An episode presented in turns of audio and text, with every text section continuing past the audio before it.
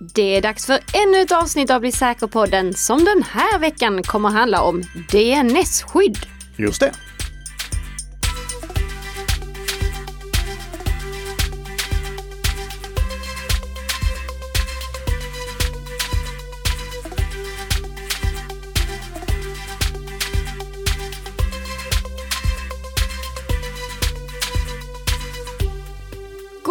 God morgon, god morgon! God morgon, Tess. Och god morgon till våra fantastiska lyssnare som hänger med oss här varje fredagsmorgon. Precis, i den här podden som produceras i samarbete mellan Nika Systems och Bredband2. Ja, exakt. Har vi någonting vi vill liksom avverka eller några kommentarer vi har fått in eller så innan vi kliver vidare på eh, våra nyheter? Eh, ja, det finns en sak, så, alltså jag, jag hade inte tänkt ta med det, men när du säger så.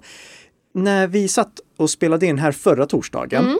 då visade jag ju dig Steve Jobs brev som han skrev om Adobe Flash. Ja, Men på fredagsmorgonen när vi publicerade det här avsnittet, då fick jag ett mejl från en av våra lyssnare som påpekade att länken inte funkar.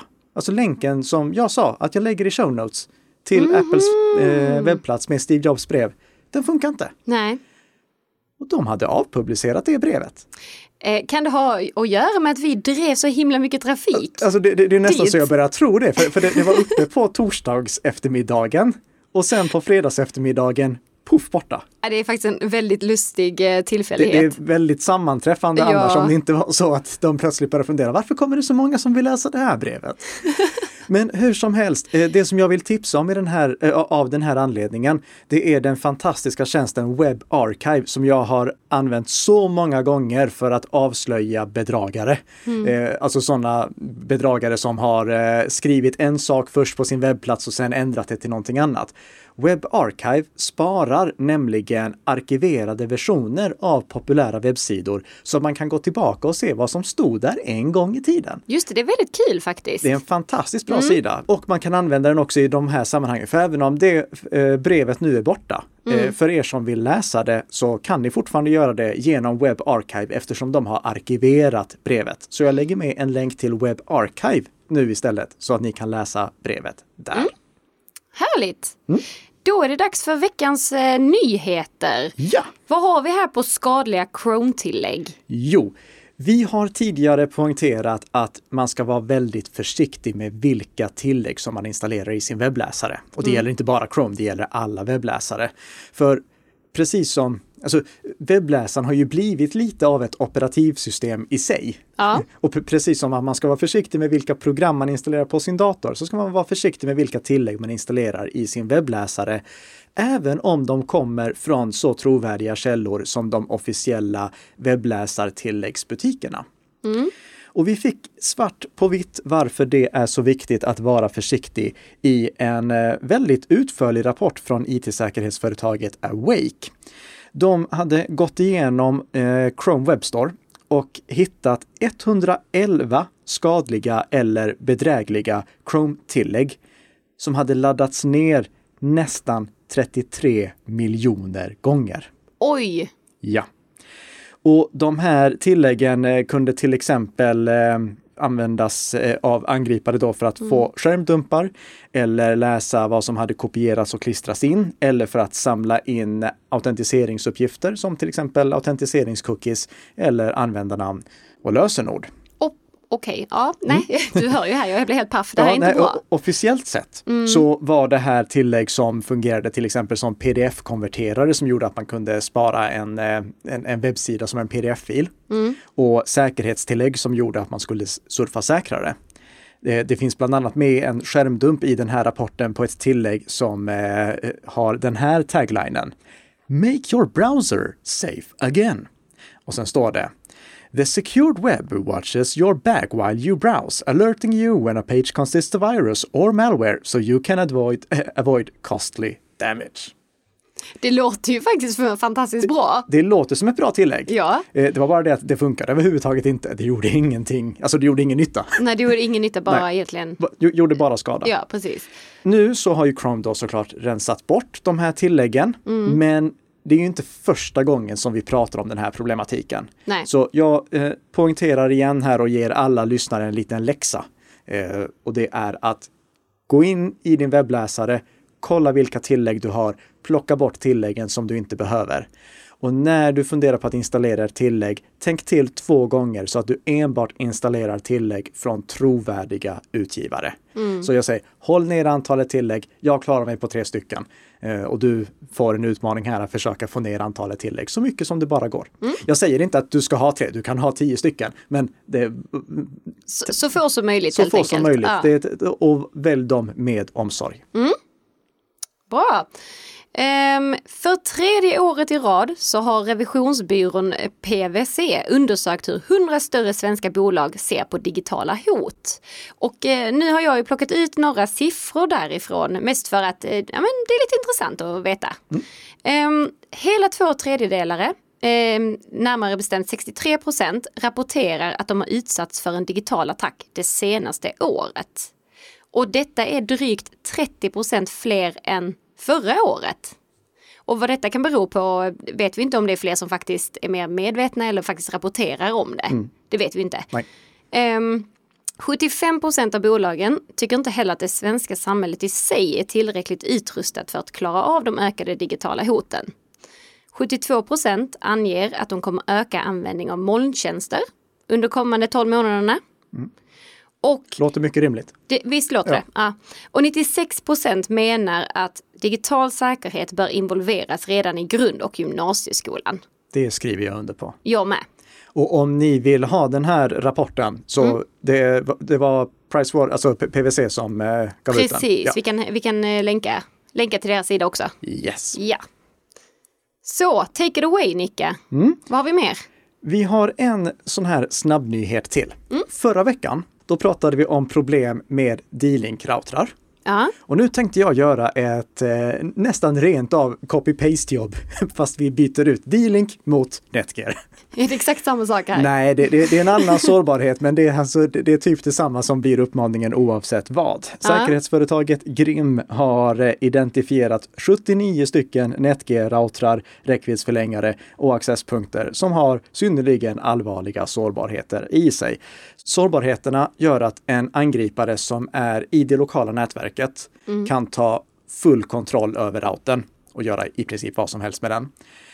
Och om det är så att den som administrerar routern har slagit på stöd för fjärradministrering via webbgränssnittet så att han eller hon kan logga in på distans och ändra i sin router, då kan en angripare också göra det. Oh, vad härligt va? Ja, Men Minst- Netgear är väl väldigt vanlig också, alltså, eller? ja det är en av de stora konsumentroutertillverkarna. Så om vi kollar på Netgears webbplats, då har de där listat de här 79 routrarna, räckviddsförlängarna och accesspunkterna som är drabbade. Det är självfallet allvarligast för routrarna i och med att det är de som är exponerade mot internet. Men där finns det i alla fall en lista på eh, drabbade modeller och 11 av dem så, har så här på eftermiddagen fått en säkerhetsuppdatering som åtgärdar säkerhetsbristen. Minns du att jag gav D-Link en liten guldstjärna? Ja, du för- gjorde det. Ja, Får, eh, får eh, Netgear det också? nej. Nej. För jag Nej. kan inte se huruvida de har tänkt åtgärda sårbarheterna på de här kvarvarande modellerna. Mm. Jag hoppas att de gör det. Men det finns ingen garanti och jag kan inte hitta någon information om de tänker åtgärda hälften av dem eller alla eller bara en bråkdel av dem. Det kan vara väl värt också att påpeka att om du har själv slagit på stöd för fjärradministrering via webbgränssnittet Ja. så ska du stänga av det omedelbart. Eh, Alltså inte vänta på att säkerhetsuppdateringen kommer utan stänga av det omedelbart för annars kan andra logga in i din router. Och det här är någonting som alltså, troligtvis skulle kunna automatiseras till och med, alltså bara skanna genom internet efter sårbara routrar och logga in i dem. Så eh, stäng av det omedelbart. Jag kollade på Netgears webbplats och där står det att det är avstängt som standard. Och den här sårbarheten påverkar alltså bara webbgränssnittet, inte om du har till exempel Nighthawk-appen som vissa Netgear-routrar har till sig för fjärradministrering. Det, det påverkar inte den, utan det påverkar bara om du har webbgränssnittet öppet för fjärradministrering. Så uppdatera, stäng av och om din router inte får säkerhetsuppdateringar, byt ut den. Ja. Eh, Vi lämnar eh, våra snabba nyheter och ska äntligen få kliva vidare till veckans huvudämne. Närmare bestämt DNS-skydd. Ja, Ja, för nu har vi under de senaste avsnitten pratat lite om portar och vi har pratat lite om domännamn. stämmer. Och då kommer vi som av en händelse in på det här med DNS-skydd och vad det egentligen innebär och hur DNS-systemet, som jag alldeles strax ska förklara vad är, kan hjälpa oss att få en säkrare digital upplevelse när vi har våra enheter uppkopplade mot internet. Men innan jag gör det så måste jag bara påpeka här att jag nu kommer nämna en, del olika DNS-skyddstjänster. Bredband2 är återförsäljare av en av dem. Ja, och vi kommer ju nämna vilken sen, Ja. tänker jag. Precis, det, det kan vi redan säga nu. Ja. Cisco Umbrella säljer ni. Precis. Det vill säga du får inte uttala dig om huruvida någonting är bra eller dåligt. Nej, Men Nika Systems säljer ingenting sånt. Eh, Så jag får säga precis vad jag vill. ouch, nu får vi se. Till skillnad från annars då. ja, precis. Eh, nej, okej. Vad är eh, DNS-skydd för någonting? Ja, då måste vi först fundera på vad DNS är. Och det bästa sättet att förklara det, det är att likna det vid en telefonbok. Så nu går vi back in time och tänker på hur det var när Tess var liten. Ja, Var bodde Tess då? jag bodde i, ja, i Helsingborgstrakten. I Helsingborgstrakten? Ja. ja. Och då fick du en gång om året hem en sån här fin telefonbok, en telefonkatalog från Bästa dagen på hela året, va? från Eniro eller Telia var det troligtvis på den tiden Ja. som gav ut den. Och när du då skulle ringa till exempel din frisör, då kunde du ju inte telefonnumret till frisören i huvudet, utan du tog istället och slog upp frisörens namn i telefonboken och där stod det vilket telefonnummer frisören hade och då kunde du ringa det telefonnumret. För alla organisationer, alla hem har varsitt telefonnummer. Eh, Så var det på den tiden i alla fall. Nu har inte alla hem telefonnummer längre. Samma sak är det på internet. Bara det att vi har lite andra termer. Så alla hem, alltså alla hems routrar har en IP-adress på internet. Det är det som identifierar routern på internet. Eh, Alla webbplatser har en IP-adress. Så Dagens Nyheter till exempel ligger på IP-adressen 18.194.121.146. Nika Systems ligger på 91.201.60.246. Det här är inte någonting som du kommer ihåg. Nej, Precis som du inte kommer ihåg telefonnumret till frisören. Precis. Ja. Men du behöver inte det eftersom vi har DNS. Och DNS fungerar då ungefär som den här telefonboken. Alltså det är en server som du ber om att få IP-adressen som hör ihop med ett specifikt domännamn.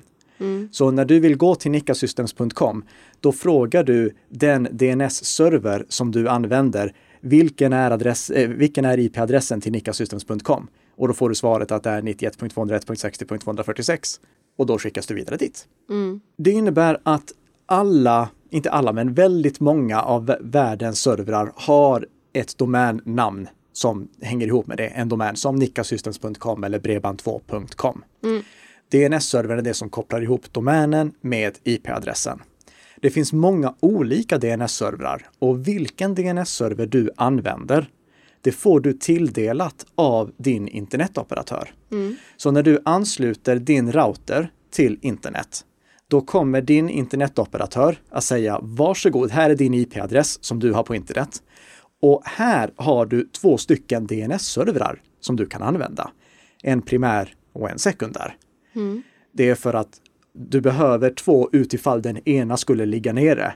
Så du, eh, din internetoperatör säger här har du två stycken telefonkataloger att slå i egentligen, så tappar du bort den ena kan du använda den andra. Okej. Om den ena DNS-servern inte svarar för att den har fått någon driftstörning, då använder du den andra. Så du får alltid två stycken. Sen händer det i och för sig också att eh, Båda ligger nere, eller? båda ligger nere. Ja. Eh, vår, eh, vår vän Marco råkade ut för det för någon vecka sedan, jag för mig. Ja, men precis. Han satt, eh, han satt och eh, gameade, tror jag. Ja. Eh, och eh, då så, jag tror inte det var Marco, utan det var snarare hans eh, polare då. Okej. Eh, vars, eh, ja, det, det funkade helt enkelt inte att gå, gå in på sidorna. Nej, men, men ju, anledningen till att det inte funkar, det var att den här vännens båda hans eller hennes DNS-servrar låg nere. Precis, Och då precis. löste Marco det genom att, Jo, men då tog han ju in eh, Googles ja, eh, DNS-server istället. precis. För Ja. Google, de driver sin egen DNS-server som man kan använda om man vill. Mm. DNS-servern, de- den har då en IP-adress. Den kan inte ha ett domännamn, eh, utan de- den har en IP-adress som du lägger in. För att du- måste någonstans ha eh, en IP-adress som du ansluter till för att sen kunna fråga om domänerna och vilka IP-adresser de leder till. Så du lägger in den, eh, den DNS-server som du vill använda. Om du inte vill använda DNS-servern som din, eh, som din operatör har tilldelat dig. Men det, det är alltså helt frivilligt vad du vill ha. Vill du byta till Googles till exempel, då går du in i routerinställningarna och så ändrar du till 8.8.8.8 som den primära och 8.8.4.4 som den sekundära. Finns det fördelar och nackdelar med att använda sig av någon annan? Ja, de kan vara mer eller mindre snabba. Okej. Oftast är det så att den, eh, din operatörs DNS-server är i teorin alltid den snabbaste. Eftersom det är den som är närmast dig. Du behöver inte skicka frågan speciellt långt för att få svar. Nej. Sen händer det att den ändå inte är den snabbaste för att det är inte så att alla DNS-servrar i världen har alla domäner och vilka IP-adresser som de hör ihop med. Och, utan ibland så måste den DNS-servern du frågar skicka vidare frågan till en ännu större DNS-server som ligger ovanför den. Okej. Och då kan det ta lite längre tid. Så i, i teorin är din operatörs den snabbaste, men den behöver inte vara det. Men hur som helst, det, det är så själva det systemet fungerar. Vad innebär det här då? Jo, det innebär att vi förlitar oss på en DNS-server för att få reda på vilka webbservrar vi ska ansluta till. Har vi inte en DNS-server som gör den här översättningen åt oss, då kan vi inte surfa någonstans för att vi kan inte IP-adresserna vi ska skriva in, utan vi, vi måste ha den här översättningen någonstans. Och då uppkommer också en möjlighet som gör att vi kan öka säkerheten. För de som driver DNS-filtertjänster eller DNS-skyddstjänster, de har en databas med vilka domäner som är kända för att sprida skadlig kod eller för att användas i nätfiskeattacker eller för att användas eh, som eh, command and control-servrar för skadeprogram. Alltså den server som till exempel en utpressningstrojan kommunicerar med när den ska försöka infektera en dator. Och det gör att om du väljer en DNS-skyddstjänst, då kan den stoppa anslutningar som går till farliga servrar genom att helt enkelt inte ge dig IP-adressen. Nej. Tänk dig hur det hade varit om du hade haft en telefonbok och så ska du slå upp numret till till exempel Börjes Bluff och Båg AB.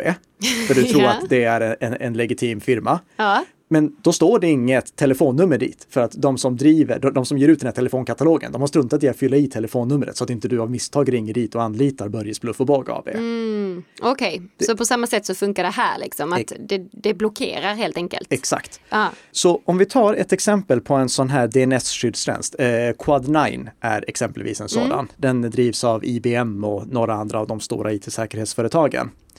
Den har DNS-adress, eh, IP-adressen 9.9.9.9. Sammanträffande med kod 9 där. Quad9, Ja. lätt att eh, komma ihåg. Eh, Den sekundära är inte lika lätt att komma ihåg. Det är 149.112.112.112. ja, nej, den är lite krångligare. Ja. Jag lägger med alla de här adresserna i våra show notes också om ni vill kolla närmare på dem. Men om du lägger in då till exempel Quad9 som din DNS, eller deras två DNS-servrar i din router, då kommer alla enheter i ditt lokala nätverk att skicka DNS-förfrågningarna till Quad9 istället. Och varför vill man göra det? Jo, för om du då skulle ansluta eh, till en nätfiskedomän, låt oss säga att du har fått ett mejl och så klickar du på en länk, fast vi vet att vi inte ska hålla på att klicka på länkar i mejl, men eh, vi, vi säger det. Om den då egentligen skulle tagit dig till en nätfiskesajt som Quad9 vet om att är en nätfiskesajt, då kommer Quad9 bara säga Nej, du får inte den IP-adressen. Nej. Och då kan du inte ansluta dit, för du har ingen aning om vad den servern är. nej. Och det är ett väldigt simpelt sätt, för lägg märke till, du behövde inte installera någonting på din dator. Du, loggar, du har bara loggat in i webbgränssnittet, ändrat två stycken DNS-servrar, mm. eh, vilket i och för sig inte är någonting som man bara gör sådär spontant för att eh, alltså, eh, du, du, behöver läsa i en manual hur du ska göra ifall du inte är bekant med hur routerns webbgränssnitt är uppbyggt. Mm. Men ändå, du behöver bara göra det och då fixas det i alla dina enheter i det lokala nätverket. Men kommer det gå lika snabbt då som om du hade haft typ din internetoperatörs eh, DNS-server? Troligtvis hade du inte märkt någon skillnad. Nej. Det, jag håller det väldigt osannolikt och det skulle både kunna bli snabbare och långsammare. Mm. Spännande. Ja. ja. Av den anledningen som jag gick igenom tidigare. Mm. Med att ibland så måste frågor skickas vidare. Ja. Finns det något alternativ till Code9? Absolut, det finns flera sådana. Men jag vill poängtera här först bara att om det är så att du vill göra så att den här inställningen att du får filtrering på dina DNS-frågor bara görs på en enskild dator. Mm. Då kan du lägga in din, eh, de här DNS-servrarna i din dator istället. Då kommer inte hela ditt nätverk påverkas utan bara din egen dator. Så ah, du, just det. Ja. Mm. Eh, men eh, principen är oavsett vad densamma. Sen så har vi våra vänner på Cloudflare. Ja. De driver DNS-tjänsten 1.1.1. Också väldigt lätt. 1.1.1.1 blir det. Eh, den är lätt att komma ihåg. Och uh. för några månader sedan, då lanserade de en DNS-skyddsfunktion också. Som mm. ligger på 1.1.1.2. Smart! Ja. Uh. Så ifall man vill använda Cloudflares DNS-skyddstjänst, då ändrar man i sin router så att DNS-servrarna som den använder är 1.1.1.2 och 1.0.0.2. Mm. Skulle man då av misstag försöka ansluta till en nätfiskedomän eller man luras in på en sajt som är känd för att sprida skadeprogram. Då kommer Cloudflare bara säga nej. Ingen IP-adress för dig. Du får inte reda på den. Håller det hemligt. Där ser man.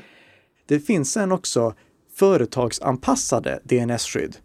Eh, för det här vill man hellre, eh, alltså man vill hellre använda en annan företagsanpassad än de här som är mer konsumentiga? Tänker ja, jag. ja, alltså du kan använda de här på ditt företag också. Det, det är inte så att mm. du bryter mot någon licens av att göra det. Men Nej. det finns anledningar till att du vill ha en, en Enterprise-lösning. Ja. Som då till exempel Cisco Umbrella eller DNS-filter för att nämna en av era konkurrenter också. Mm. Och poängen med det, det är att då får du möjlighet att göra inställningar först och främst om du kör med någon av de här publika tjänsterna som är gratis, mm. då är det liksom filterlistorna som ligger inlagda i DNS-servrarna som påverkar vilka sidor du kan komma till. Medan om du använder Cisco Umbrella till exempel, då kan du själv lägga in filter. Så du kan filtrera ut att även till exempel eh, pokersidor ska stoppas eh, mm. gamingsidor ska stoppas. Så du, du, du kan filtrera okay. ju, eh, och göra inställningar både för vad som ska vara tillgängligt rent eh, domänmässigt mm. och vad som ska gälla för olika delar av organisationen. Så du, du, kan styra så att filtret påverkar olika avdelningar på olika sätt. Mm. Sen har du den stora fördelen att du får allt eh, i rapporter också. Så det är inte bara så att det här skyddet ligger och tickar i bakgrunden, utan du får rapporter också på vad som händer. Och det gör att du kan upptäcka om till exempel en dator försöker ansluta till en domän som är känd för att användas för skadeprogram. Då kan du fundera varför i hela friden ansluter den där datorn hela tiden till den här mm. eh, sidan. Den blockeras ju hela tiden, men varför gör den det? Ja, då kanske det är för att det finns ett skadeprogram på datorn som försöker ansluta till sin command and control server. Ja, ja. Mm. Och då blockeras den också. Eh, och, och, du de detekterar det. Sen så finns det möjlighet att göra undantag, för du vill kanske ha egna undantag också för vad som ska gälla. Eh, du vill kanske informera användaren om varför någonting har blivit blockerat, så du vill kunna lägga in egna budskap på de här blockeringsskärmarna och liknande. Mm. Eh, så det, det finns många sådana saker som gör att för konsument så räcker det kanske bara med att du har ett färdigt filter som blockerar. Men i Enterprise-sammanhang, då vill du aldrig komma till situationen att en sida som är jätteviktig att ni kan nå är felaktigt blockerad.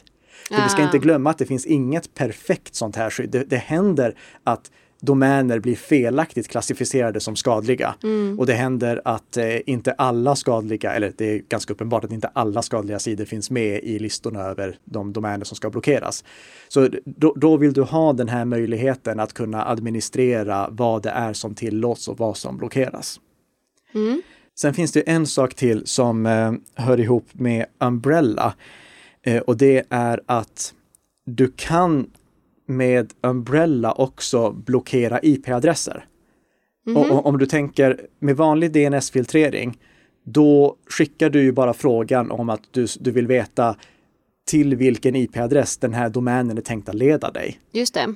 Men om du har ett skadeprogram på datorn som ansluter direkt till en IP-adress, då sker ingen sån förfrågan. Så då, då finns det ingenting att blockera. Ja, okej. Så om ett skadeprogram har hårdkodat i sig att det ska ansluta till en specifik IP-adress, vilket jag inte tror är speciellt vanligt för att den IP-adressen skulle ju kunna stängas ner ganska lätt. Eh, Men i alla fall, det- det skulle kunna hända. Det skulle kunna finnas andra anledningar också till det. Men då kan Umbrella också blockera anslutningen till den IP-adressen ifall Umbrella vet att den är känd för att sprida skadlig kod eller för att användas för nätfiskeattacker. Men då räcker det inte med att man lägger in nya DNS-servrar som eh, datorerna ska använda, utan i så fall så måste man även installera en klient på själva datorn. För då blir det liksom som e- ett extra skydd med IP-adressblockering också. Det, det kan inte gå via de vanliga DNS-förfrågningarna. Nej, förstår. Så det, det är någonting som är en bonus där också. Men överlag så skulle jag säga att det är just rapporterings och inställningsmöjligheterna som är den stora fördelen med eh, de här Enterprise-versionerna av DNS-skydd. Det innebär inte att inte konsumenter ska använda de gratisalternativen som står till buds. Det är bara att testa för att se om ni tycker om det och tycker att det ger något för er. Ja.